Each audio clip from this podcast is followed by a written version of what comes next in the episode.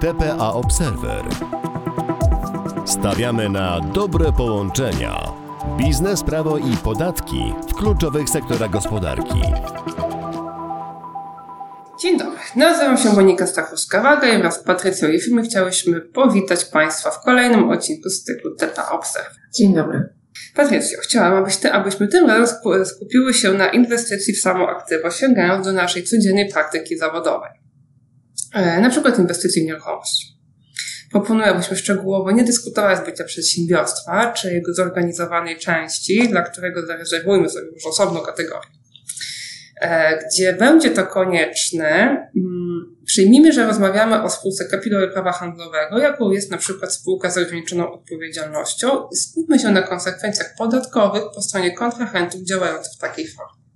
Wyjdźmy może od korzyści, jakie niesie za sobą wybór tej formy transakcji. E, czy dostrzegasz jakieś?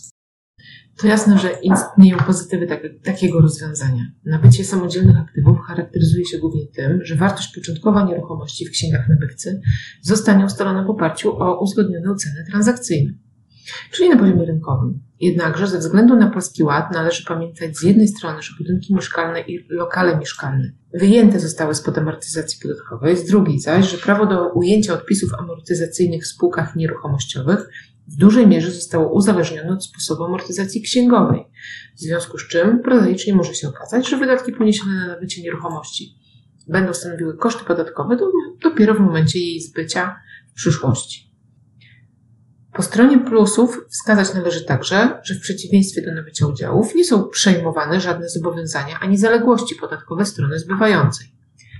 Jako korzyść postrzegam także brak konieczności uiszczania podatku od czynności cywilnoprawnych.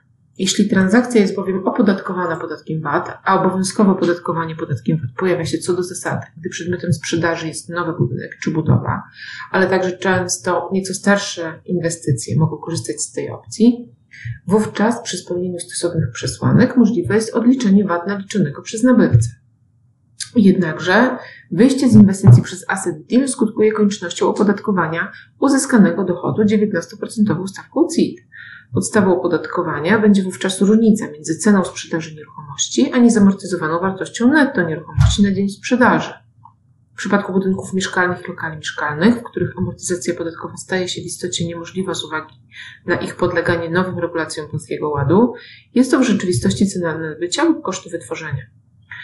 Co więcej, z zasady sprzedaż taka podlega również opodatkowaniu podatkiem VAT, a jeśli transakcja pozostaje poza zakresem VAT lub jest obligatoryjnie zwolniona z VAT, nabywca jest zobowiązany do zapłaty podatku PCC, jeśli sprzedawane jest przedsiębiorstwo, nie pojedynczy składnik majątku. Z tego, co mówisz, ta forma inwestowania wydaje się zatem całkiem prosta i pozbawiona istotnych konsekwencji podatkowych. Czy takie stwierdzenie nie jest krzywdzące? Przyznam, że trochę jest. W dniu 11 grudnia 2018 roku Ministerstwo Finansów opublikowało objaśnienia podatkowe dotyczące opodatkowania podatkiem od towarów i usług transakcji zbycia nieruchomości komercyjnych które tłumaczą, co prawda nie wszystkie, ale chociaż w pewnym zakresie, wątpliwości związane z tymi transakcjami. W przypadku bowiem, kiedy transakcja jest zgodna z opisem sprzedaży aktywa z objaśnień, ryzyko przekwalifikowania przedmiotu transakcji na przedsiębiorstwo lub jego zorganizowaną część powinno z założenia istotnie maleć. Należy jednak pamiętać, że chociaż ministerstwo opublikowało objaśnienia podatkowe dotyczące podatku VAT od sprzedaży nieruchomości komercyjnych, w których wskazano zasady klasyfikacji transakcji jako posłużę się tu anglojęzycznym zwrotem enterprise versus asset deal. Zgodnie z obowiązującym porządkiem prawnym nie stanowią one jednak źródła prawa i nadal istnieje ryzyko, że transakcja w modelu asset deal może zostać potencjalnie przekwalifikowana przez polskie organy podatkowe na przedsiębiorstwo lub jego zorganizowanej części. Spowodowałoby to, że transakcja podlegałaby wówczas opodatkowaniu podatkiem od czynności cywilnoprawnych, płatnym przez kupującego, a jednocześnie odliczenie podatku VAT związanego z transakcją zostałoby zakwestionowane ze wszystkimi tego konsekwencjami, w tym dodatkową sankcją VAT w wysokości 30% od kwoty nienależnie odliczonej przez kupującego. Dlatego, mając świadomość powyższego, myślę, że warto próbować chociażby ograniczyć ryzyko przez na przykład wskazanie, które składniki majątkowe poza nieruchomością i prawami majątkowymi nie będą przedmiotem transakcji jak również uniknięcie przyjęcia istniejących umów, jak na przykład umowa o zarządzanie nieruchomością, o zarządzanie aktywami unika, uniknięcie przyjęcia wierzytelności zobowiązań sprzedającego, w szczególności finansowania, yy, uzyskanie interpretacji podatkowej potwierdzającej prawo do odliczenia VAT od transakcji, a tym samym potwierdzenia, że przedmiot transakcji stanowi indywidualny składnik majątku, a nie przedsiębiorstwo lub jego zorganizowaną część, czy też upewnienie się, że zakres transakcji opisany w powiązanych umowach jest zgodny ze złożonym przez strony wnioskiem o wydanie interpretacji podatkowej oraz objaśnieniami oczywiście. Zwrócę też e, uwagę na wprowadzenie mechanizmu podzielonej płatności, tzw. split payment, dla płatności podatku VAT od nabycia w celu ochrony kupującego przed hipotetycznymi sankcjami e, oraz zapewnienie, że płatności związane z transakcją będą dokonywane na rachunek bankowy sprzedającego, który jest ujawniony na białej liście podatników. A co się stanie, jeśli pomimo wskazanych przez Ciebie działań przedmiot transakcji zostanie zakwalifikowany, prawdopodobnie wbrew woli stron, nie jako aktywo, lecz jako przedsiębiorstwo lub jego zorganizowana część? Odpowiedź na to pytanie jest dość prosta. Kupujący będzie odpowiedzialny za zobowiązanie podatkowe sprzedającego powstałe przed transakcją. No świetnie, a można zabezpieczyć w jakiś sposób? W celu wyeliminowania tego ryzyka, nie wcześniej niż na 30 dni przed zamknięciem transakcji, należy uzyskać zaświadczenia z, urzędu, z urzędów skarbowych ZUS czy właściwych gmin, potwierdzające brak zaległości podatkowych sprzedającego. Ponadto, w celu zminimalizowania lub ograniczenia potencjalnych konsekwencji przekwalifikowania przedmiotu transakcji na przedsiębiorstwo lub jego zorganizowaną część, często rekomendujemy zawarcie w umowie sprzedaży klauzuli o współpracy.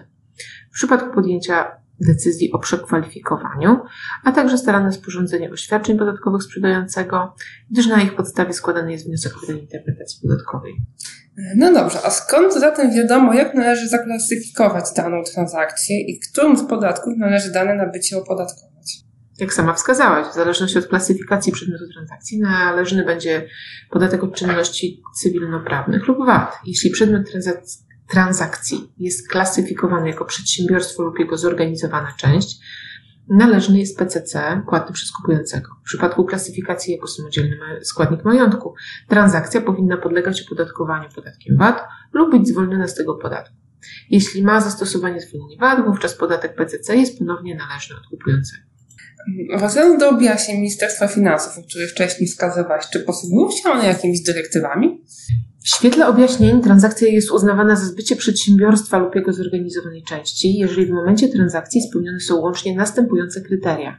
Po pierwsze, zespół składników majątkowych przekazywanych nabywcy obiektów pozwala na płynną kontynuację działalności gospodarczej prowadzonej przez zbywcę oraz jest wystarczający do prowadzenia takiej samej działalności gospodarczej w przyszłości przez nabywcę.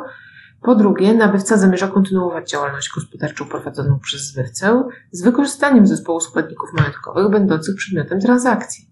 Działalność gospodarcza ma być kontynuowana w takim samym zakresie jak działalność gospodarcza zbywcy i ma być prowadzona w ramach własnej działalności gospodarczej nabywcy.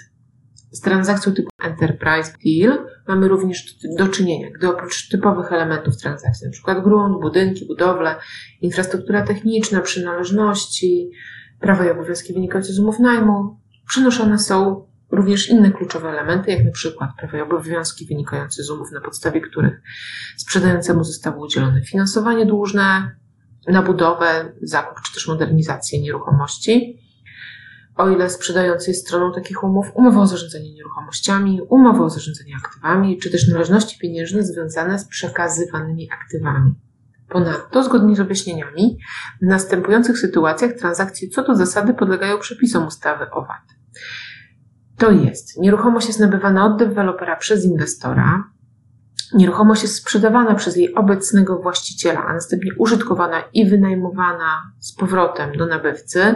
Nabycie nieruchomości dokonywane jest przez jej dotychczasowego, dotychczasowego najemcę, czy też nabycie nieruchomości odbywa się w celu jej wyburzenia i przeprowadzenia nowej inwestycji. No dobrze.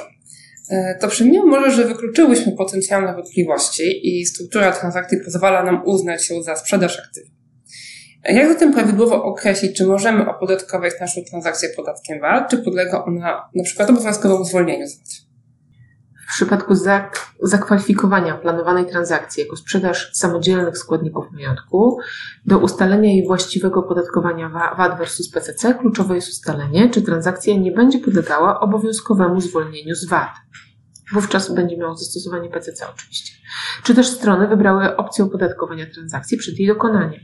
Zgodnie z przepisami ustawy o podatku VAT, w przypadku dostawy budynków lub budowli trwale związanych z gruntem, grunt niejako dziedziczy opodatkowanie VAT budynku budowli na nim posadowionej, zakładając klasyfikację przedmiotu transakcji jako składnika majątku, a nie jako przedsiębiorstwa lub jego zorganizowanej części, sprzedaż gruntu zabudowanego budynkami lub budowlami może podlegać opodatkowaniu VAT lub być zwolniona z VAT.